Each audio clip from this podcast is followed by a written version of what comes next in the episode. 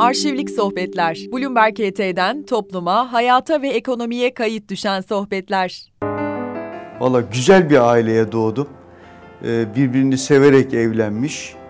Böyle e, o dönemin şartlarında küçük bir çekirdek aile kurmuş. Biz iki kardeşiz. Babam e, kamyoncuydu.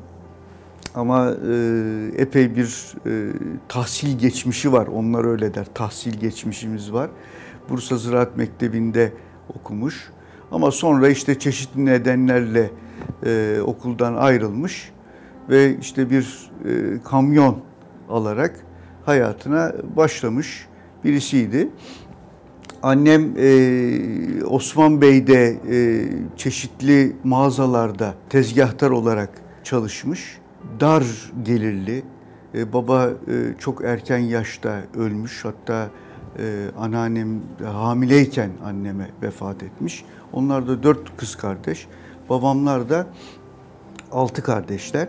Babamlar e, Kızanlık göçmeni, Bulgaristan göçmeni. Anneannem Tatar, dedem yani anneannemin e, eşi o da Kafkasya göçmeni. Böyle değişik bir şey var. Ama annem de İstanbul doğumlu filan böyle değişik bir aile. Ama e, nasıl diyelim o dönemin modern ailelerinden bir tanesi ama yoksul bir aile. Babam böyle şey değil yani çok paraya önem veren bir insan değil. Daha çok sohbetiyle tanınan, biraz da böyle babalığıyla tanınan bir insan. Dediğim gibi babam böyle çok fazla e, para pul peşinde koşmaz. Biraz da hafif bu yönden dolayı da aile içinde de eleştirilir. Ya sen istesen şunu da yaparsın filan ama böyle baktığınız zaman çevresinde filan mesela Demirören'in filan e, vakti zamanında rahmetli oldu şimdi. E, onun e, işte arkadaşı hatta onun abi dediği bir insan. Sonrasında işte e, ilkokulda işte 5 sene Oruç Gazi'de okudum. Öğretmenim de çok çok kıymetli bir insandı. Rukiye Hoca Hanım. E, hani hakikaten böyle nasıl diyelim tam bir cumhuriyet öğretmeni. Her şeyiyle öyle. Eğitimiyle, bize davranışıyla öyle. Sonra tabii ama aile dediğim gibi yoksul, fazla böyle geliri olan bir aile değil. Ondan sonraki dönemde beni teşvik ettiler hep birlikte Darüşşafaka sınavlarına girmem için. Darüşşafaka esas olarak babası olmayan yani yetim çocukları okutan bir okul. Ama o dönemde bir bazı kararlar var Darüşşafaka'da. Bir kızlar alınmaya başlanıyor. Ben girdiğimde Darüşşafaka'ya ikinci kızlardı Darüşşafaka'da. E, bir de böyle bir analı babalı az sayıda olmak üzere belki de o okulun o yetimlerden oluşan havasını da hafif bozmak için, farklı kültürlerin de bir arada yaşamasını da sağlamak için e, analı babalı e, çocuklar da alındı. Sınava girdik. Ben de kazandım. Hatta benim e, sınıfımdan Rukiye Hoca Hanım'ın e, başka bir öğrencisi Hatice Aslan da o sınavı kazandık. Beraberdik, aynı sınıftaydık. Bir de bizde Yurdagül Meral diye yine Oruç Gazi'den bir arkadaşımızla üçümüz Darüşşafaka'ya gittik. E, sonrasında işte hazırlık sınıfı biraz zor geçti benim için hazırlık sınıfı. Çünkü ciddi bir hastalandım. Bir ay filan böyle bir e, verem mi, bronşit mi, tam da böyle şey yapılamayan bir ay, bir aydan fazla bir süre e, okuldan hatta toplamda iki aydan fazla bir süre okuldan uzak kaldım ama sonrasında işte neyse artık toparladık kendimizi geçtik sınıfı. İki seneydi o zaman hazırlık sınıfları. İki sene hazırlığı da e, okuduk. E, o süreçte e, tabii e, Türkiye'nin de çok değişik bir dönemi o dönem. E, baktığınız zaman siyasi gelişmeler son derece etkili. Bizim okulda da büyük ölçüde e, bu çeşitli o dönemdeki akımlar, siyasi akımlar bir şekilde kendisini hissettirmeye başladı. O dönemden hatırlıyorum işte dar manşetlerde Darüşşafaka kazan kaldırdı filan gibi. Okulda zaman zaman boykotlar, hak aramalar vesaire oluyor. Yatılı bir okul. E, yatılı bir okulun getirdiği çeşitli zorluklar var. Ama şöyle yani Darüşşafaka yatılı olduğu için genellikle o dışarıdaki çatışma içeriye çok fazla yansımıyor. Ama sonuçta biz de orada yaşıyoruz. Yani mesela ne oldu?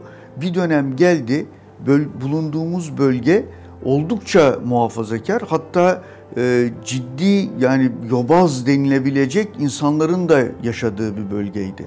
Yani işte o çarşamba, draman, bazı belki tarikatların olduğu. Mesela e, bir iki öğretmenimizin biraz böyle diz civarında etek giydikleri için bacaklarına sopayla vurulduğunu, bizim onları e, daha doğrusu abilerin daha çok onları korumak üzere dışarı çıkıp o güruhla kavgaya tutuştuklarını hatırlıyorum. E, sıkı yönetim kararıyla atıldık biz. E, şimdi eşim olan e, Hanife Gülda ile beraber o dönemde atıldık. E, Birçok başka arkadaşımız da bizden sonra atıldı. O dönemde öyle bir uygulama vardı sıkı yönetim. İşte okulda siyasi faaliyet içerisinde olduğu düşünülen e, çocuklar böyle kararlarla okuldan atılabiliyordu. Yani Darüşşafaka yönetiminin, e, cemiyetin çok kararı gibi değildi o. Yani sıkı yönetim tarafından alınmış bir karardı. Oradan Pertemniyel Lisesi'ne gittik. Aslında sıkı yönetimin kararında e, Fatih bölgesinde okuyamaz ibaresi vardı. Başka yere gitsin gibi. Pertemniyel aslında Fatih bölgesinde. Ama biz gittik. Çünkü e, evlere de işte yakın. Bir de Aksaray o bölgeden de çok ayrılmak istemiyoruz. E, biz gittik Pertemniyel Lisesi'nde müdürle konuştuk. Müdürümüz de çok şeydi, e, anlayışlı bir insandı. Ama dedi burada olay çıkarırsanız çocuklar dedi başınıza hakikaten ekşirim dedi. Maalesef olay çıkardık ve o e, hocamız böyle Artvin gibi hatırlıyorum. Artvin ya da Kas İmam Hatip'e sürüldü. Maalesef e, hayatına e, çok olumlu olmayan bir etkimiz oldu. E, o olay çıkardık. Bir ay sonra boykot örgütledik. Çünkü öyleydi. Bizi şekillendiren şey o dönemde yani memleket kaynıyor.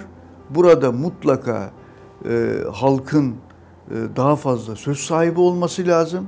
Bu yönetimlerle bu iş yürümez. Türkiye'de yönetimin devrilerek değişmesi lazım. Yeni bir döneme geçilmesi lazım diye daha e, bizim okulda da yani Darüşşafaka'da esas olarak egemen olan daha e, yoğunluklu olarak egemen olan hatta daha sonra tamamen daha sol ve devrimci düşünceler o Pertevniyel'de de onlarla karşılaştık zaten ve e, oradaki arkadaşlarla da birlikte e, böyle bir boykot yaptık. Yani ne kadar çok boykot, ne kadar çok eylem yaparsak bu sorunlara daha fazla dikkat çekeceğiz ve de işte bu sıkı yönetim gidecek, kaldırılacak.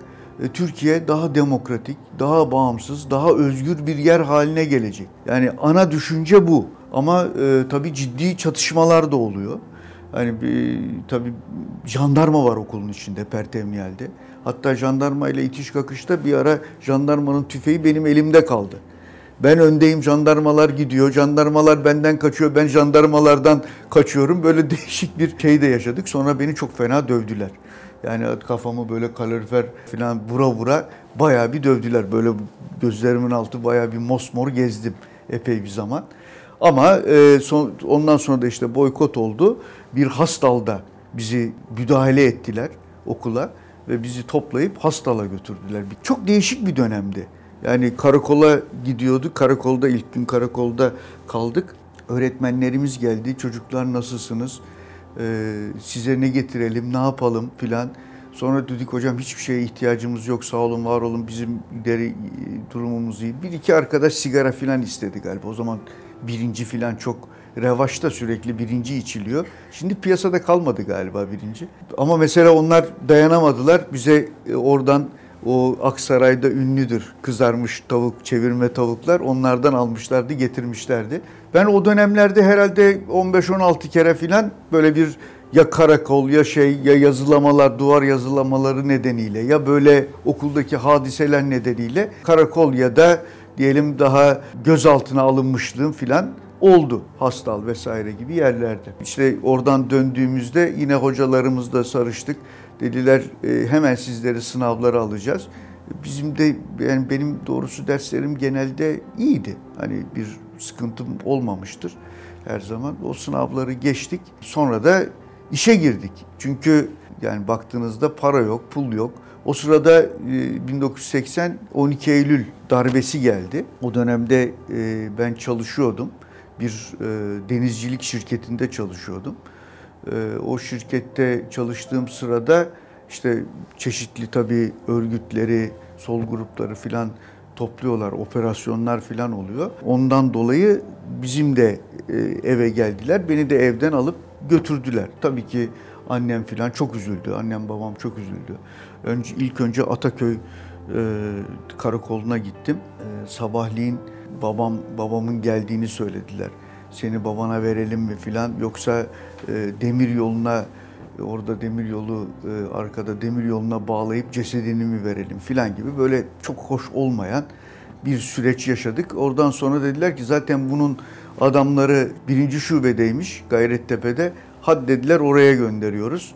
Oraya gönderdiler beni. Ondan sonra zaten artık aileden haber almak bile pek mümkün olmadı. Gerçi bir kere annem bir not e, yazmış. İşte bizim evde bir tane tekir kedimiz vardı işte Tekir e, Tekir'in de onunla ilgili böyle biraz bilgi veriyor. Belki moral olsun filan diye böyle küçük bir not yazmış. Hani iyi misin, sağ mısın, değil misin? Yani asıl öğrenilmek istenen konu o. O da o aklına gelmiş belki moral olur filan diye. Ben kedileri çok severim. Ninemin şeyi vardı. Böyle 11 e, tane kedisi vardı. Onlara da o zaman Günaydın gazetesi var. Orada Kara Murat diye bir e, çizgi roman var onun karakterlerinden isimler koyardı. Hafız işte mesela diyelim e, Ninem Hafız ama onu çok meraklısı o Kara Murat çizgi romanının. E, her gün okur onu. Günaydın gazetesini mutlaka alır.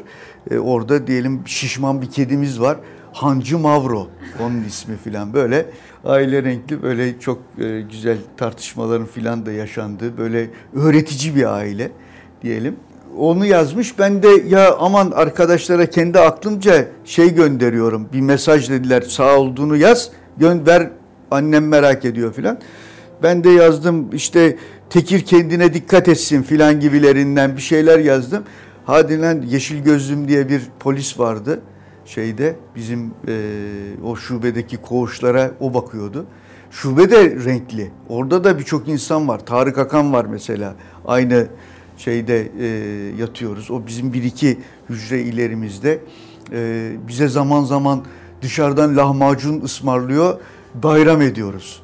Böyle e, dışarıdan derken yani parasını veriyoruz, polisler alıp getiriyor ya da birileri alıp getiriyor.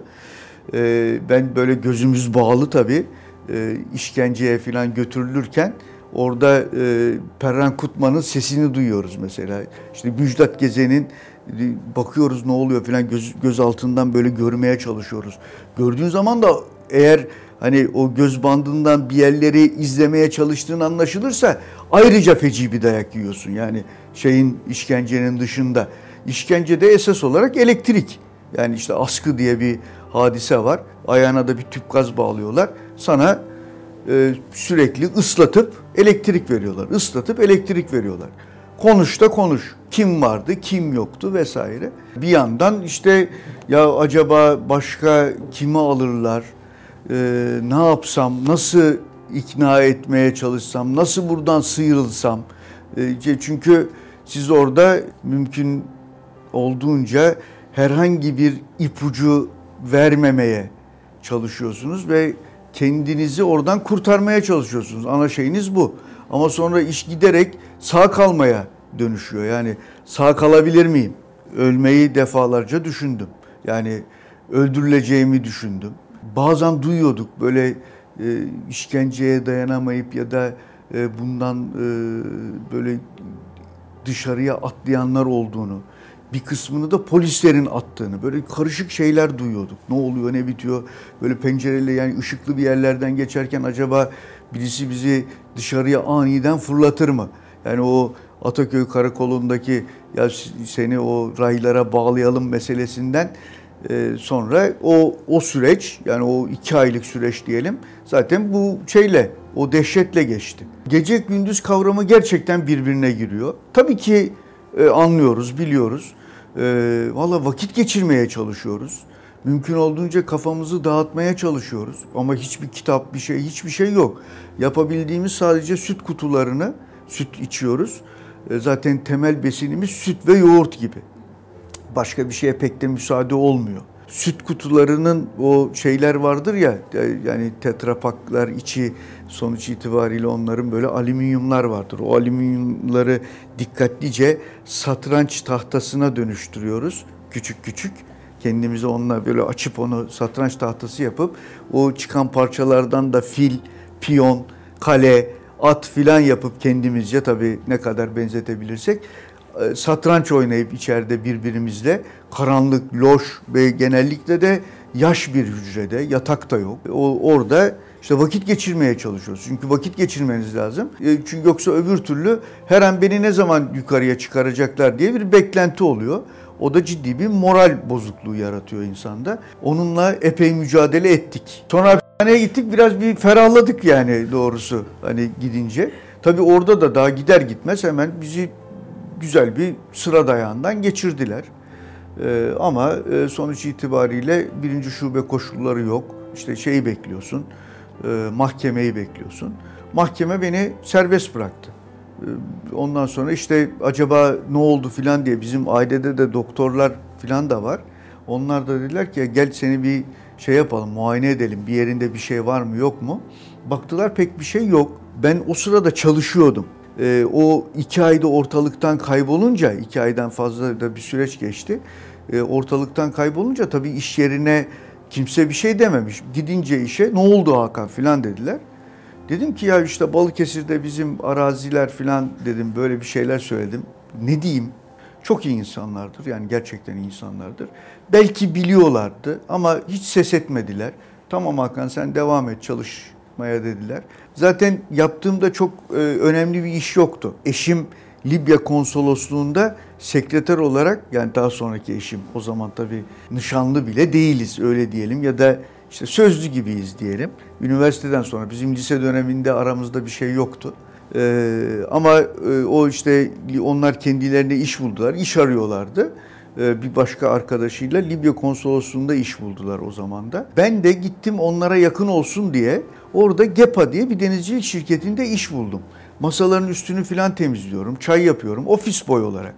Ama sonra baktılar ya bunda İngilizce var. İşte sekreter hanım bazen telefonla konuşuyor ama tam karşıdakilerin ne dediğini tam belki anlamıyor. Ya da bazen olmuyor e, ben telefona bakmak durumunda kalıyorum.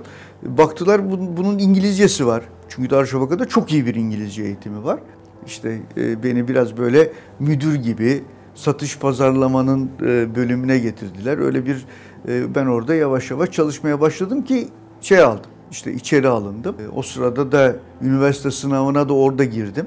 Tercihlerim arasında valla doğrusunu isterseniz hani zaten öyle bir halde girdim ki hatırlıyorum bizi o cemselerin içerisinde ben sırılsıklamdım yani şeye sınava girdiğim zaman. Selimiye'de oldu sınav.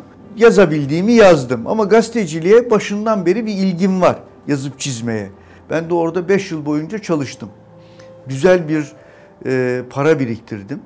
E, tazminatımı da aldım ama kafamda hep siyasi işlere devam etmek var. E, oradan ayrılınca e, oradaki parayla bir siyasi dergi çıkarttım ilk adım diye. E, sonra iki sene sonra param bitti. Yani o tazminat falan hiçbir şey kalmadı ortada. Bu sefer e, iş aramaya başladım. Arkadaşlarımın bir kısmı Dünya Gazetesi'nde çalışıyordu. Kimisi istihbarat müdürüydü. Kimisi e, yazı işleri müdürüydü. Onlar daha önceden oralara girmiş çalışıyorlardı. Benden büyük biraz daha yaşları. Darüşşafaka'dan abilerim var arada. Onlar gel dediler tahsis servisinde başta hani bir şeyler. Onlar da şey arıyorlar, e, insan arıyorlar. E, sonra hemen bir gün ya da iki gün orada çalıştım. Sonra beni hemen dış e, haberlere aldılar. Dış haberlerde birisi ayrıldı filan. Dünyanın o ilk dönemi harikaydı. Nezih Demirkent e, tabii e, bizim hem gazeteci ağabeyimiz hem patronumuz. Onunla olan o her günkü sohbetler bilginizi arttırıyor, vizyonunuzu geliştiriyor. Hayata bakışınız çok farklılaşıyor. Yani orası gerçekten dünya bir hep söylenir bir okuldur. Ee, o niteliklere sahip bir yerdi. Nezih Demirkent sayesinde. Ama Alp Orçun var mesela genel yayın yönetmenimiz. Ee, bakıyorum o da vakti zamanında epey hapishanelerde kalmış filan birisi. Yani o dönem biraz öyle bir dönem. Yani herkes e, bu işlerle şöyle ya da böyle ilintili. Herkes demeyeyim ama büyük çoğunluk öyle. Sonra öyle bir dönem geldi ki e, benim artık e, o sırada işte e, basın yayında okuyorum İstanbul e, basın yayında okuyorum. İktisat Fakültesinin hemen üzerindeydi. Ama mezun olanı askere alıyorlar. Mezun olmamam lazım. Askere gidecek halim yok. Yani e, para yok. E, sonuçta evliyim. Evlendim 1982'de evlendim. İşte hani evi de bırakacak çok halim yok. E, ben ne yapayım ne yapayım? Tekrar sınava girdim. Boğaziçi tarihi kazandım. Tarihte de dediğim gibi böyle bir şeyim yakınlığım var. E, Boğaz içinde e, okuruz orada da orası da biraz da rahat bir okul diye biliyorum. Cenk Başlamış diye bir arkadaşım var. O da yine benimle beraber Darüşşafaka'dan yazılamalardan bir tanesinde de onunla beraber yakalanmıştık. E, o da o sıralarda e, milliyette şey yapıyor çalışıyor. O sonra CNN Türk'ün Moskova temsilciliğini falan yaptı. E, o, e, o, o da biraz bana yardımcı oluyor doğrusu. İşte Boğaz içinde idare ediyoruz. Kısa dönem askerlik işi çıktı. O zaman Nezih Bey'e gittim. Dedim ki ya efendim beni Cumhuriyet'ten çağırıyorlar epey zamandır. Müsaade ederseniz ben oraya gideyim ee, ve e, işte 400 lira maaşım Cumhuriyet 800 lira veriyor. E ne diyeyim dedi şimdi dedi. Ben seni yazı işleri müdürü diye düşündüm ama dedi istiyorsan git dedi. Ama Nezih Bey'in üzerimde hakkı çok. Çünkü ben 91'de de e, mesela bu daha önceki o 87'deki filan e, seçimler döneminde o siyasi dergiyi filan çıkardığım dönemde e, işte bir e, kapalı toplantı, bir inci sinemasında bir toplantı düzenlemiştik. O seçimleriyle ilgili. Orada asılan bir pankart nedeniyle ben de e, düzenleme komitesindeyim. E, o oradan beni polisler aldı. E, sonra bıraktılar. Fakat hakkımda dava açıldı. Ben o davadan dolayı, o davadan iki buçuk yıl hapis cezası aldım. Sonra da e, işte gittim e, dört dört buçuk ayda yatmam gerekiyor. Çünkü indirimler falan var. Eğer iyi halim olursa dört buçuk ayda çıkacağım. E, Bayrampaşa cezaevine gideceğim. Yani Nezih Demirkent yani düşünün hani bir sonuçta patronunuz dedi ki ya Bayrampaşa'da biz seni dedi Dündar Kılıç'ın koğuşuna öyle koğuşlar var demek ki e, oraya koyalım da rahat et bari o dönemde dedi. Yok dedim e, Nezih Bey dedim ben siyasi koğuşa giderim. Oradakiler benim dilimden daha iyi anlarlar. Ben orada kalırım. E, ama orası da tabii epey şey oldu. Bir e, ölüm orucu başladı cezaevinde. Girdim tabii ben de girdim. Sonuçta bütün şey yapıyor yani e, sonuçta bütün koğuşlar yapıyor. Hiç e, hakkımızsa savunacağız. Onda bir şeyimiz yok. 24 gün sürdü. Sonra bir e, anlaşma oldu ama bu sırada bir tünel patladı. Yani işte tünel açılıp kaçmaya çalışıyor. Tabii mahkumların bir kısmının bütün işi gücü o. Benim öyle bir durumum yok çünkü benim zaten dört buçuk ay yatacağım çıkacağım ben. Hani işime geri döneceğim. Benim planım o. Ama tünel patlayınca bizi aldılar Gerede cezaevine götürdüler. Orada tamamladım tam böyle e, nasıl diyelim işte Özal'ın Cumhurbaşkanlığına filan şey ettiği bir dönem, e, hazırlandığı bir dönem. Fakat o sırada da e, hapiste olduğumu da aileye de hissettirmek istemiyorum anneye babaya. E, ne yapalım ne yapalım Hollanda'ya gitti diye bir şey söyledik. E, Hollanda'ya gitmişim diye. E, ama yani Hollanda'ya nereye gitti bu çocuk ne yapıyor? Ben içeriden mektup yazıyorum şeye gönderiyorum, Hollanda'ya gönderiyorum arkadaşlarıma. Ee, orada Hollanda yani Türkiye'de çalışmaya başlamış ama artık Hollanda'da işine devam eden mektubu onlar e, bizim ailenin adresine gönderiyorlar mektubu. Ben Hollanda'dan onlara mektup yazmış gibi oluyorum. Hatta bir tane de bir e, gene arkadaşımın küçük çocuğu var. O da benimle çok iyi arası. Ya bu Hakan nerede diye soruyor ve ağlıyor. Hollanda'da filan diyorlar. Ona da aynı muhabbet. Bu sefer ona da mektup yazıyorum.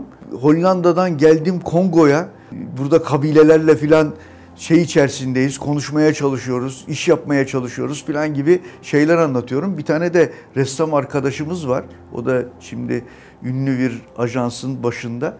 E, ressam arkadaş var. O da güzel karikatürize ediyor. Böyle fotoroman gibi haline getiriyor onu. Onu da alıp bizim e, o arkadaşın oğluna gönderiyoruz. O da timsahlarla mücadele ederken filan beni öyle görüyor. Halbuki ben Gere'de cezaevindeyim o sırada. Neyse e, şey oradan da çıktım. Bu sefer işte e, bir dönem Cumhuriyet'te çalıştım. Askere gideceğim için şey Nezih Bey'den izin istedim. Benim tazminatımı da verirseniz paralı askerlik çıktı. Paralı askere de paramı yatırayım. E, hem askerliği kısa dönem yapmış olurum hem de çalışmaya devam ederim filan diye düşündüm. Cumhuriyet'e gittim. Bir sene filan orada çalıştım. Orada da ekonomi şey, şefliği yaptım servisinde. Sonra askere gittik.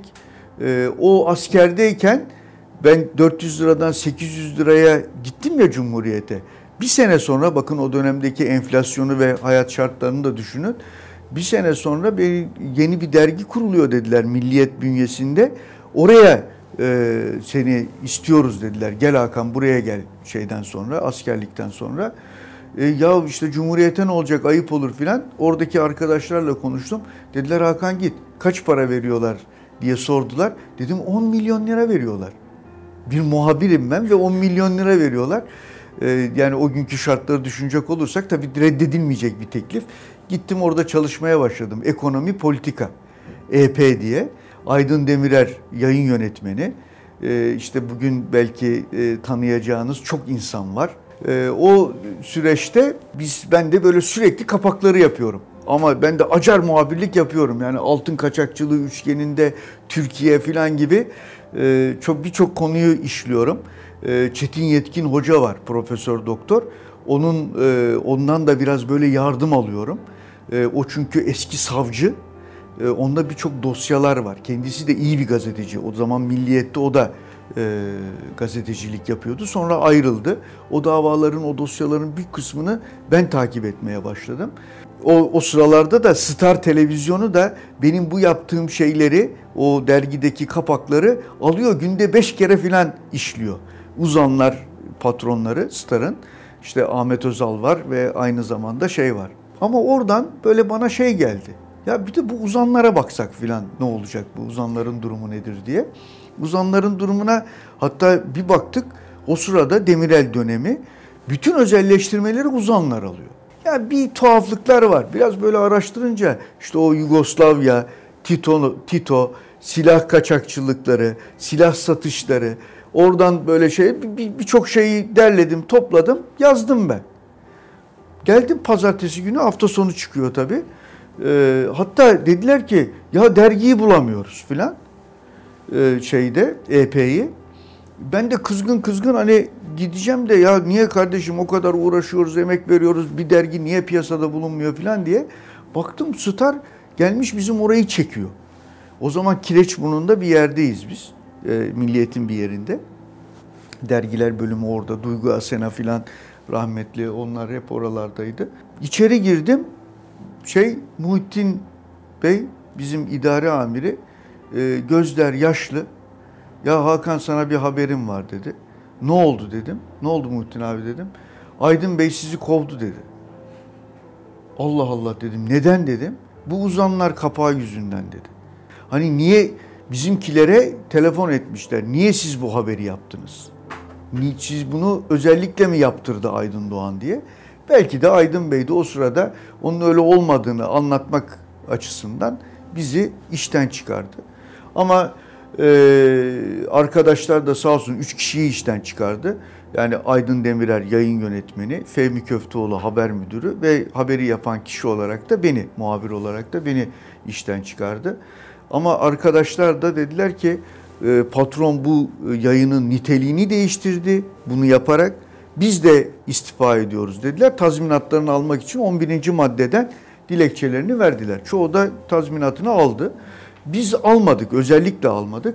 E, çünkü dava konusu haline getirmek istiyoruz. Yani bu nedir bu? Yani niye böyle bir şey oldu? Biz burada bir gerçeklere aykırı bir şey yazdıysak bunun zaten mahkemesi olur. Hiç sorun değil. Biz dediğimizin arkasındayız.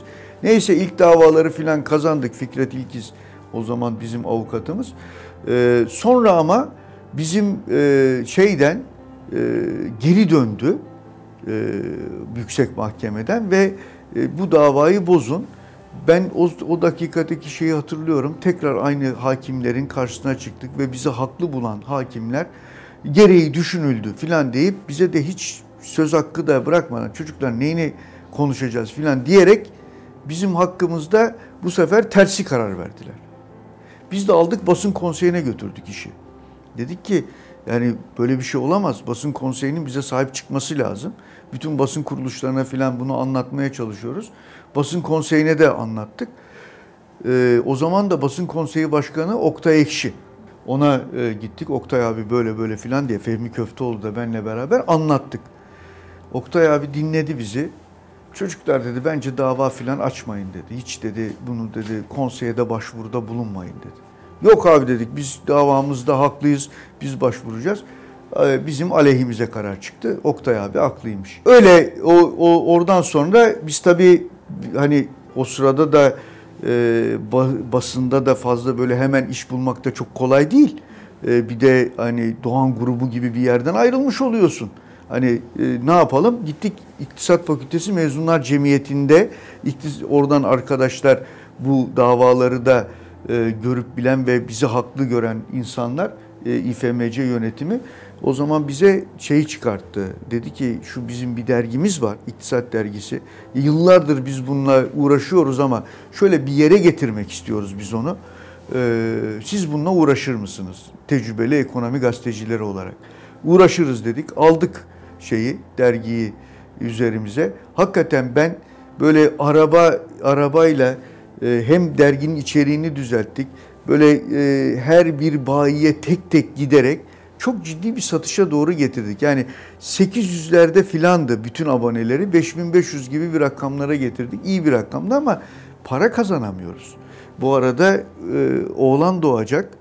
E, Aydın'ın oğlu doğdu zaten filan eve para lazım. Nasıl yapacağız? E, o bir başka bu sefer de bir başka yerden bir teklif geldi. Bir real time haber ajansı kurulması üzerine. E, oraya gittik. O ajansı kurduk.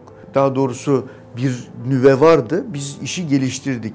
Reuters'ta rekabet halinde. Hakikaten de e, baya bir mesafede kaydettik o konuda. E, ADP diye bir e, Boğaziçi Data diye bir şeydi o ajansta. Orada bir şey yaptık. Orada bir iktisat gazetesi çıkardık. Sabahta çalıştım bir dönem Medya Offset'te. Power dergisinin genel yayın yönetmenliğini yaptım. Ee, oradan sonra ayrılınca e, Nezih Bey çağırdı. Nezih Demirkent geri çağırdı. Ya Hakan gel bir tane de biz burada öyle bir aylık dergi çıkaralım ekonomi dergisi. Benim böyle bir e, şeyim var dedi. O sırada iki tellide bir bina, e, güzel bir bina inşa etmişti. Böyle kat kat inşa etti orayı. Yani öyle birdenbire para bastırarak inşa etti. Kat kat inşa etti ama bir gökdelenimsi bir binadır. Hala da duruyor. Oranın adını Globus olarak, Globus Medya Evi diye koyuyordu. Derginin de ismi Globus oldu. Biz onu çıkarttık bir süre. Ama hemen işte 99 depremi vesaire sonrasında ben e, Dünya Gazetesi'nin yazı işleri müdürü olarak görev yapmaya başladım. E, daha sonra 2008 e, Mayıs'ında yayın yönetmenliğine dönüştü. Oradan e, da 2018 Ocağı'na kadar yayın yönetmenliğini yaptım. Ama medya e, bu süreçte çok iyiye doğru gitmedi. Sanki bir sanayi işletmesi, bir normal işletmeymiş gibi bakan medyanın ana niteliği değişti. Böyle bir sıkıntı bütün medya kuruluşlarında yaşanmaya başlandı. Sendikasızlaşma da o süreçte e, geldi. Medyada işler bir anlamda bozuldu. E, Nezih Bey de 2001 Şubat'ında vefat etti. Bence çok erken aramızdan ayrıldı. E, o sırada gazeteciler cemiyeti başkanıydı da. E, hani hakikaten medyaya böyle sahip çıkan, onun o e, salı yazıları e, hakikaten şimdi de e, ibretle okunacak, ders alınacak yazılardır. Önemli bir külliyattır o. Ee, ama işte e, sonuçta bizde de bir değişiklik oldu. Ee, Didem Hanım, Nezih Bey'in kızı devraldı. O elinden geldiğince sürdürmeye çalıştı. Ama işler hakikaten e, kolaya değil zora doğru gitti büyük ölçüde. İşte borçlar vesaire filan derken öyle bir noktaya doğru gelindi ki ben ayrıldıktan bir müddet sonra e, Didem Hanım e, ben gazeteyi kapatacağım, sonlandıracağım diye ilan etti. Biz de bu sefer gazetedeki arkadaşlar bir kısımda bu sırada e, biz de e, ben de ayrıldım. Ayrılan başka arkadaşlar da var. Birlikte ne yapabiliriz diye düşünürken böyle bir durum ortaya çıktı. Dedik ki e, gazeteyi çalışanlarıyla birlikte devralalım. Onlar tazminatlarını işin içine e, koysun. Beraber konuştuk, birkaç toplantı yaptık bu konuyu. Yani çalışanlar olarak yola devam etme kararı aldık. Yapar mıyız? Yaparız. Biz e, sorunları da biliyoruz işin içindeki. Bir de e, yani bir cesarettir doğru hani ama o gözü kara bir cesaretten çok yanılma payını da dikkate alan bir cesaretti. Ya yanılabiliriz, yapamayabiliriz ama e, sorunları biliyoruz.